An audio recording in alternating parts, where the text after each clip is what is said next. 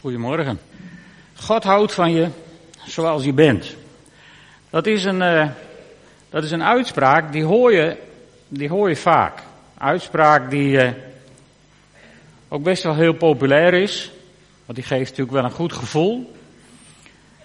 En, en ik, wil, uh, ik wil vanmorgen geen roet in het eten gooien. Maar het is een, een zonder verdere toelichting toch wel een beetje gevaarlijke opmerking, vind ik.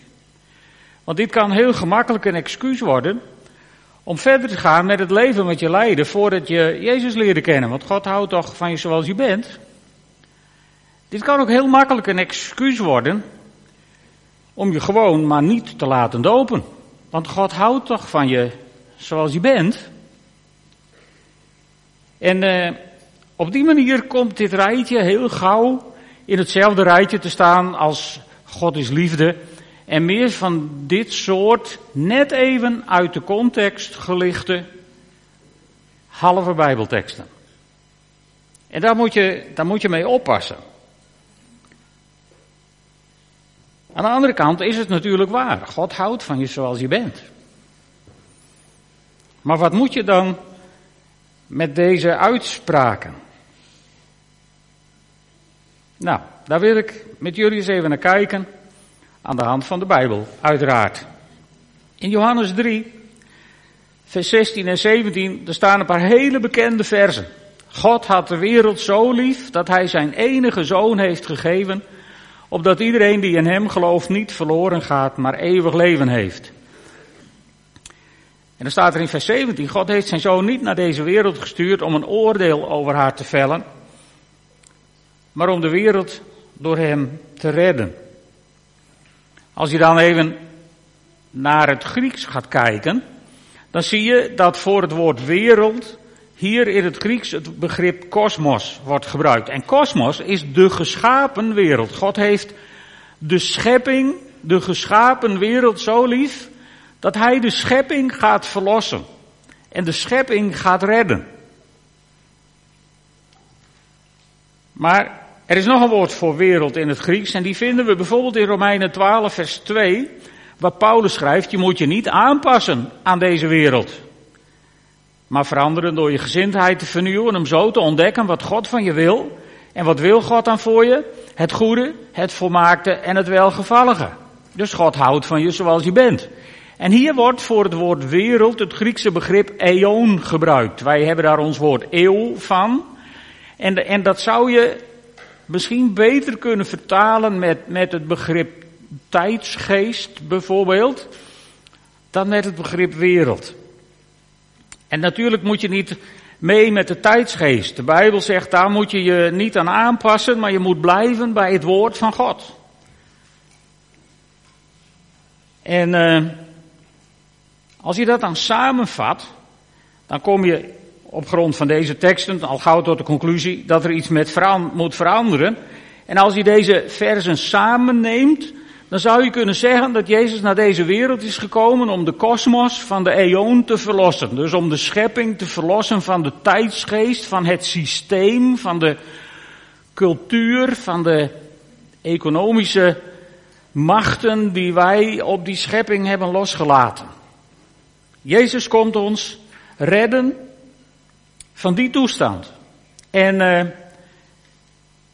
een hele beroemde man uit de Bijbel, de apostel Paulus, die het grootste deel van het Nieuwe Testament notabene heeft geschreven, die zegt, deze boodschap is betrouwbaar en verdient onze volledige instemming. En hij zegt, Christus Jezus is in de wereld gekomen om zondaars te redden. En dan zegt hij, dan wijst hij niet met de vinger. Ja, hij wijst wel met de vinger. Hij zegt, ik was de eerste. Ook ik heb deze weg moeten gaan. Dat is, dat is de boodschap van Paulus. Ik heb deze weg moeten gaan. Dus er moet wat veranderen. En de vraag is eigenlijk niet of God van jou houdt zoals je bent. De vraag zou veel beter kunnen zijn, hou jij genoeg van God om veranderd te willen worden? Dat is een hele andere vraag. Want nu ligt hij plotseling bij onszelf. Bij jou, bij mij. houden wij genoeg van God om Hem de ruimte te geven om ons te veranderen? Want dan gaat er namelijk iets heel bijzonders gebeuren. Paulus die schrijft, en dit is eigenlijk het kernvers voor, voor deze ochtend. Paulus die schrijft in 2 Korinthe 5 vers 17. Daarom ook is iemand die één met Christus is, een nieuwe schepping. Dus God houdt van je zoals je bent. En daardoor kom je tot Jezus, hoop ik.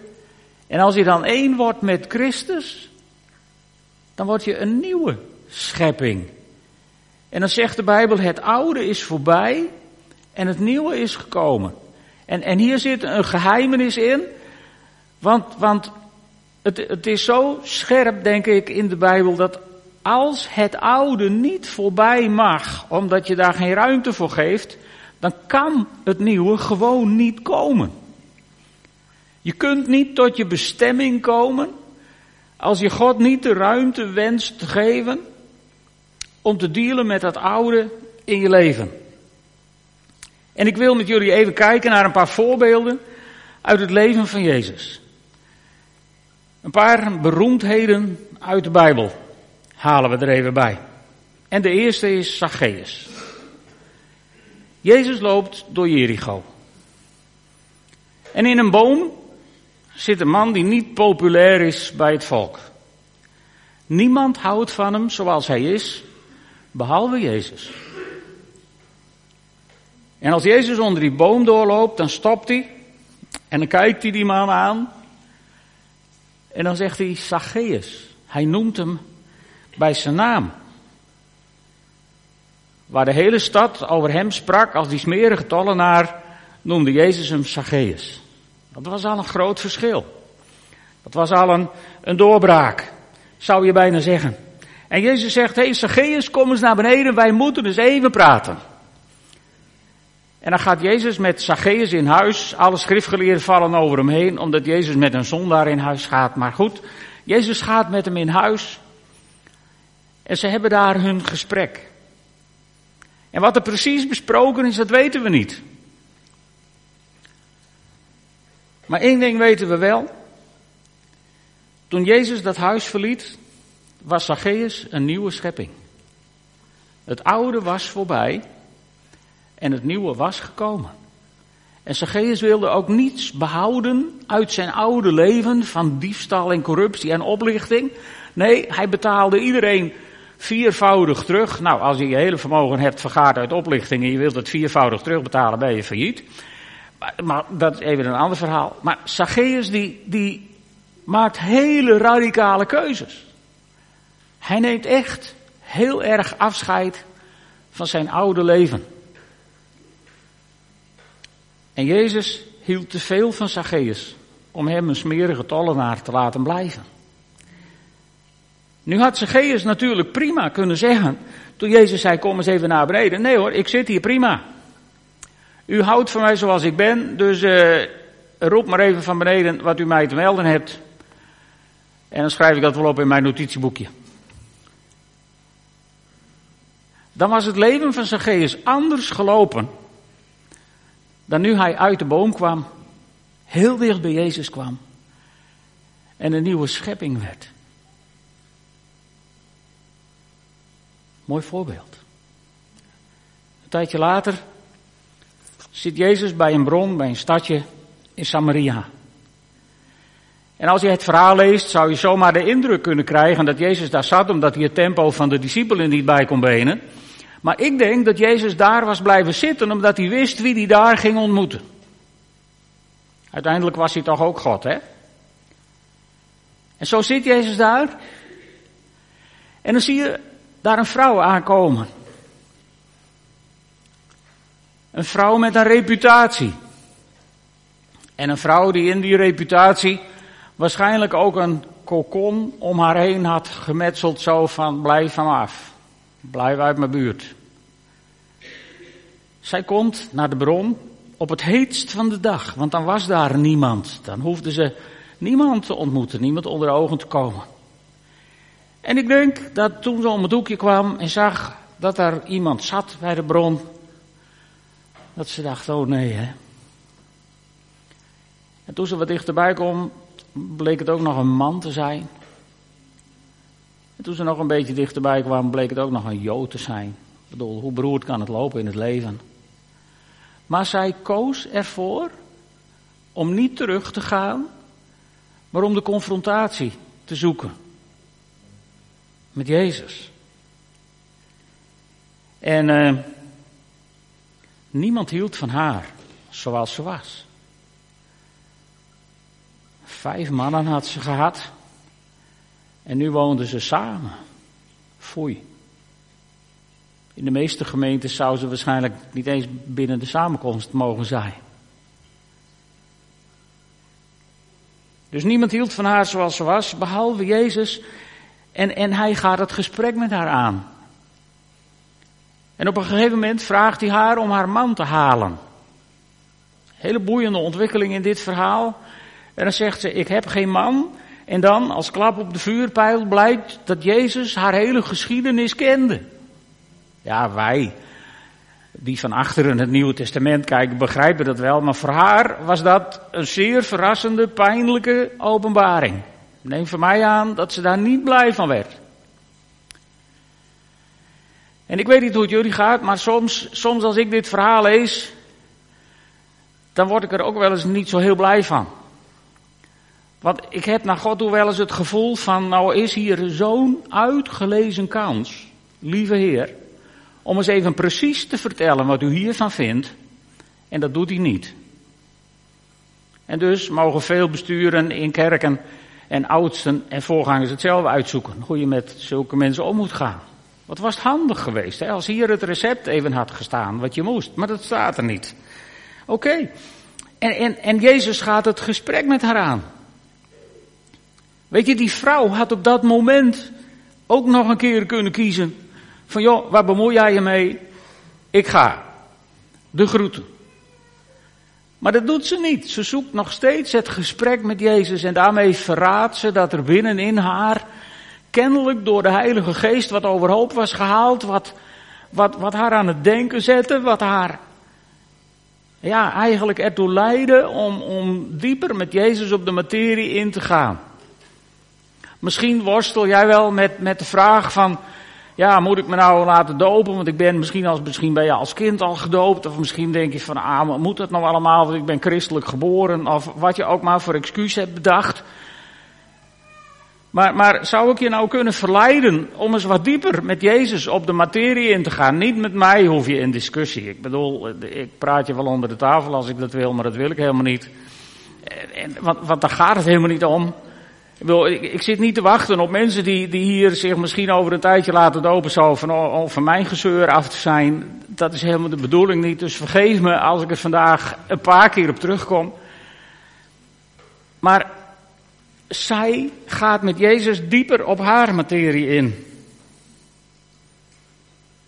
En ze liet Jezus toe in haar leven. En één ding is zeker. Toen Jezus dat stadje verliet, was zij een nieuwe schepping. Het oude was voorbij en het nieuwe was gekomen. Want Jezus hield te veel van haar om haar een smerige hoer te laten blijven, want zo hebben ze haar in het stadje vastgenoemd. En ik denk zomaar dat ze getrouwd is met man 6 en dat mannen 7, 8, 9 enzovoort en niet meer zijn gekomen. Want ze was een nieuwe schepping. Ze ging een nieuw leven in met Jezus. En dan een tijdje later staat Jezus in Jeruzalem onderwijs te geven. En er komt een jup naar hem toe, een young urban professional. En die, uh, die vraagt aan Jezus wat hij moet doen om behouden te worden. Deze young urban professional, die heeft het helemaal gemaakt in het leven. En waarschijnlijk hoorde hij bij een politieke partij die vond dat de, maak, dat de samenleving volledig maakbaar was. Als je de goede dingen maar doet. Dus hij komt bij Jezus met de vraag wat hij moet doen. En uh, Jezus wijst hem erop hoe onhaalbaar hoog de lat ligt als je het zelf wilt doen. Weet je, ik denk dat heel veel mensen van deze jonge man hielden om wat hij was. Of om wat hij bezat, misschien wel. Jezus interesseerde dat niet. Jezus hield van hem om wie hij was. Jezus hield ook van hem, zoals hij was. Maar Jezus die wijst hem een weg om nog dichter bij hem te komen. En als deze jonge man ziet hoe hoog de lat ligt, dan gaat hij teleurgesteld weg. Net zoals op dit plaatje met, met gebogen hoofd.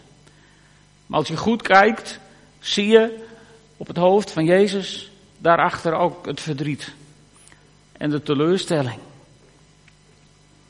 Want deze jonge man, die was te veel aangepast aan deze eon, aan deze wereld. En hij was niet bereid om zijn gezindheid te laten vernieuwen. En daardoor kon hij niet ontvangen wat God voor hem had, het goede, het volmaakte en het welgevallige. Want het oude was niet voorbij.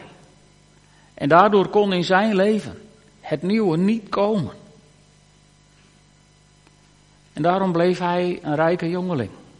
En niet iemand die één was geworden met Jezus. Heel verdrietig verhaal. Maar goed, God houdt van je zoals je bent.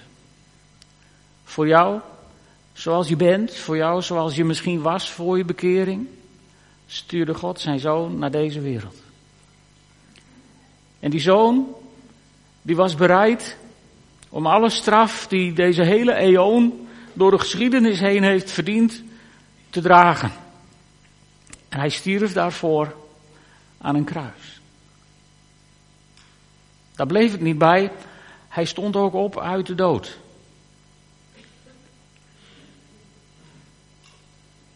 En uh, hij gaf zijn discipelen een opdracht. Die misschien wel een scheiding maakt tussen de verhalen die ik net heb verteld en de verhalen van na deze tijd.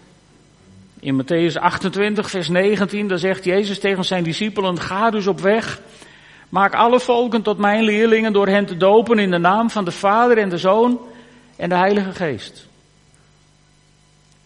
Die doop hadden we al eerder wat voorbij zien komen bij Johannes de Doper. En, en ook wel bij Jezus zijn discipelen, die mensen doopten in de Jordaan. Maar nu werd het plotseling een, een, een scheiding. Tussen christen en niet-christen. En sinds die tijd is de doop een lastig, beladen onderwerp. En hier zijn vast mensen die op een gegeven moment hebben besloten zich te laten dopen. Ik ben er ook een van. En, en misschien herinner je je die laatste weken voor je doop. Nadat je die beslissing had genomen. Misschien heb je net als ik ervaren wat er in het geweer komt om je daarvan te weerhouden. En misschien zit je hier vandaag wel met een hoofd vol spinsels van Waarom zou ik en ik wil niet en ik ga niet? Misschien zijn die machten ook nu wel in het geweer om je te weerhouden. Dat bewijst alleen maar hoe belangrijk de doop is in het leven met God. Jezus geeft ze die opdracht en hij zegt, en, en, en ik wil tegen je zeggen, God houdt van je zoals je bent. Dus je bent goed genoeg om gedoopt te worden. Als je daar nog om zocht, dan kan ik je bij deze in de naam van Jezus verklaren dat je bent goedgekeurd. Want God houdt van je zoals je bent. Dus daar hoeft het niet aan te liggen. En misschien, uh, misschien zit je te wachten op een briefje uit de hemel, maar dat ligt er al 2000 jaar. Dat heb je waarschijnlijk in je tas of bij op de stoel liggen of je hebt het in je telefoon zitten tegenwoordig. Maar die mededeling van God, die ligt er al een hele tijd. Dus dat wachten kun je je verder ook besparen. Want misschien ben je wel veel te veel met die vraag bezig van wanneer dan en hoe dan en waarom dan. Maar er is eigenlijk maar één legitieme vraag als het over dopen gaat. En dat is de vraag die de eerste niet-Jood die gedoopt werd stelde aan Filippus. Jullie kennen dat verhaal uit Handelingen 8. Filippus op een eenzame weg. En er komt een wagen aan met een Ethiopiër erin. Een eunuch staat er in de Bijbel. Hè? Dus hij was gecastreerd. En daardoor mocht hij volgens de wet niet in de tempel komen. Dus ik weet niet hoe dicht hij bij de tempel is geweest, maar in, in de Joodse religie was hij een verworpene, een afgewezene. Hij mocht niet meedoen aan het heil van God, maar op een of andere manier had hij, had hij een boekrol gekocht. Hij had veel geld uitgegeven om een boekrol te krijgen. In de tijd toen de boekdrukkunst er nog niet was, kostte een boekrol een handvol geld. Want dat was een hele pluk werk om zo'n ding te schrijven. En daar staat hij in te lezen. In zijn wagen. En Filippus die krijgt van God de opdracht om naast hem te gaan wandelen. En die hoort hem lezen. Over een lam wat naar de slagbank geleid werd en zijn mond niet open deed. En, en nou, jullie kennen vast dat verhaal wel. En dan staat er zo mooi, daar word je als spreker, word, word ik altijd jaloers op, op Filippus. Dan staat er uitgaande van dat schriftwoord verkondigde hij hem Christus. Dan was het vanuit dit schriftwoord niet zo heel ingewikkeld, maar ik heb grote sprekers gehoord die vanuit, vanuit veel ingewikkeldere bijbelteksten ook Christus konden verkondigen. En ik vind het altijd heel knap dat mensen dat kunnen. Want vanuit de hele Bijbel kun je praten over Jezus Christus. Over het feit waarom hij naar deze schepping kwam, om de schepping te verlossen van het kwaad. En om ons uit te nodigen om zijn volgelingen, zijn discipelen te worden. En dan komen ze langs water. Je kunt het daar zien, maar je kunt het hier ook zien. Ze komen langs water.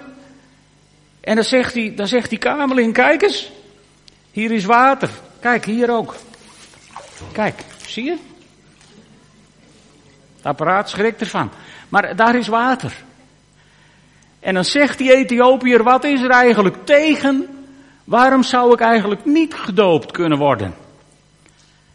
En dat is volgens mij de enige legitieme vraag die de Bijbel jou geeft rondom de doop. Waarom zou jij deze stap niet zetten?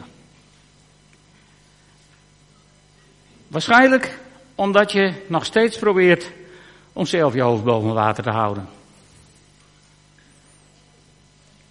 En dan moet ik je één ding zeggen.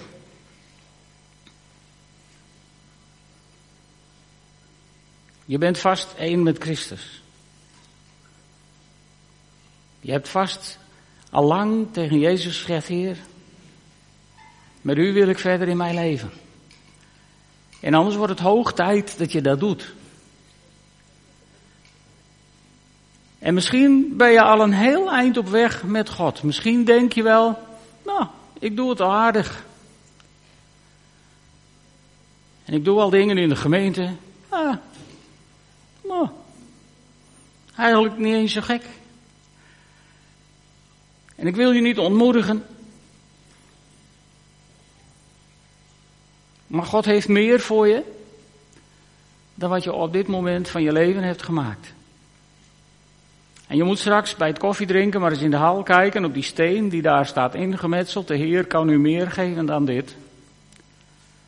En ik wil je één ding zeggen, dat meer wat de Heer jou wil geven dan dit, ligt aan de overkant van het water. Niet achter die deur, maar het ligt aan de overkant van het water. Dat heeft God mij ook duidelijk gemaakt toen ik worstelde met de doop. En eigenlijk worstelde ik niet eens zozeer met de doop. Want dat was me wel duidelijk. Ik worstelde veel meer met angst voor wat mijn ouders ervan zouden zeggen. En wat de kerk ervan zou zeggen. En wat vrienden ervan zouden. Ik worstelde veel meer. Ik was veel meer gebiologeerd door angst voor mensen. Dan door het feit dat ik het niet zeker wist. Want ik wist het best wel zeker. Maar ik had het zweet op de rug alleen bij het idee dat je het thuis zou moeten vertellen. Angst voor mensen spant een strik, zegt de Bijbel, weet je. Het zijn ook die machten die in het geweer komen. Maar goed, ik heb mogen ontdekken door de genade van God dat je aan de overkant van het water je volle potentieel gaat ontdekken. Want Paulus die schrijft het heel mooi in Romeinen 6. Hè, daarom is, daarom Paulus die schrijft over de doop van als je gedoopt wordt, dan ga word je met Christus begraven, dan is het oude voorbij. Om in een nieuw leven weer op te staan, dan is het nieuwe gekomen.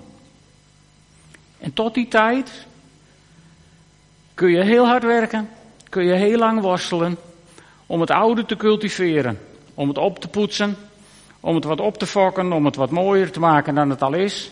Maar het blijft het oude. En het volle potentieel, wat God voor je heeft, ga je niet zien.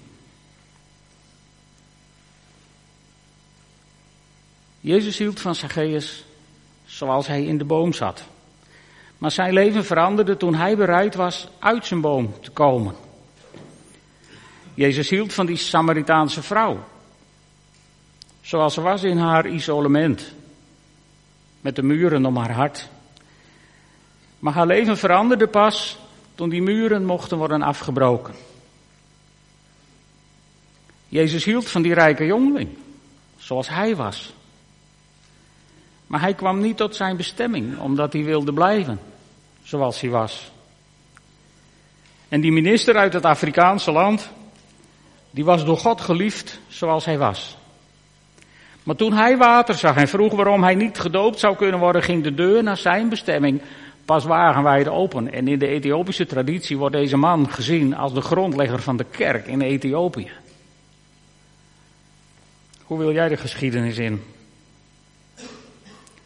Hoe ziet jouw levensverhaal eruit na vandaag?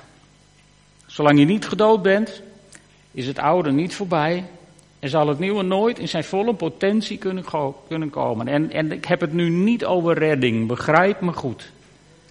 Je bent gered op het moment dat je ja zegt tegen Jezus.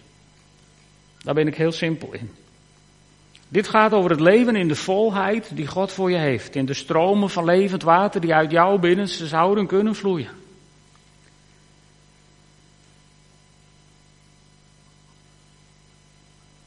Dus er is maar één vraag over. Waarom zou jij niet gedoopt kunnen worden? En als je daar geen antwoord op hebt, snap ik niet waar je op wacht. Mag ik jullie vragen op te staan? Gaan we samen bidden. Heere God, u hebt ons zo'n prachtige weg gegeven om in onze volle bestemming te komen. En er is zoveel strijd omheen. Maar Heere God, ik bid u om met uw Heilige Geest te werken. In de harten van mensen die, ja, die weten welke stappen ze zouden moeten zetten. Ik dank u wel, Heer, dat u mij bij de hand hebt genomen en hebt meegenomen door het water. Naar het beloofde land met u. En ik bid, Heere God, neem iedereen die het aangaat bij de hand, zoals u dat doet, liefdevol, zonder dwang, zonder pressie. Heere God, neem ons bij de hand, leid ons door het water naar de beloftes die u hebt. Heere, voor degenen die die stap nog zouden moeten zetten. Maar ik bid u ook, heren, voor ieder van ons die die stap al lang gezet heeft. En misschien wel teleurgesteld wacht op dingen die u nog zou kunnen doen. Heren, er zijn hier ook mensen die profetieën van u hebben ontvangen, woorden van u over hun leven hebben horen uitspreken en, en dat teleurgesteld naast zich hebben neergelegd. En ik bid u, Heere God, om ook die dingen, die verwachtingen, die dromen, die, die woorden die van u zijn ontvangen, om die tot nieuw leven te wekken door de kracht van uw Heilige Geest. Ik bid u, Heer, om opnieuw te spreken tot, tot mensen die zich daar zo hartstochtelijk naar uitstrekken. Want u houdt van ons, Heer, zoals we zijn. Maar u houdt te veel van ons om het daarbij te laten. En ik bid, o Heer, verander mensen. Verander ons en begin nu. In de naam van Jezus Christus. Amen.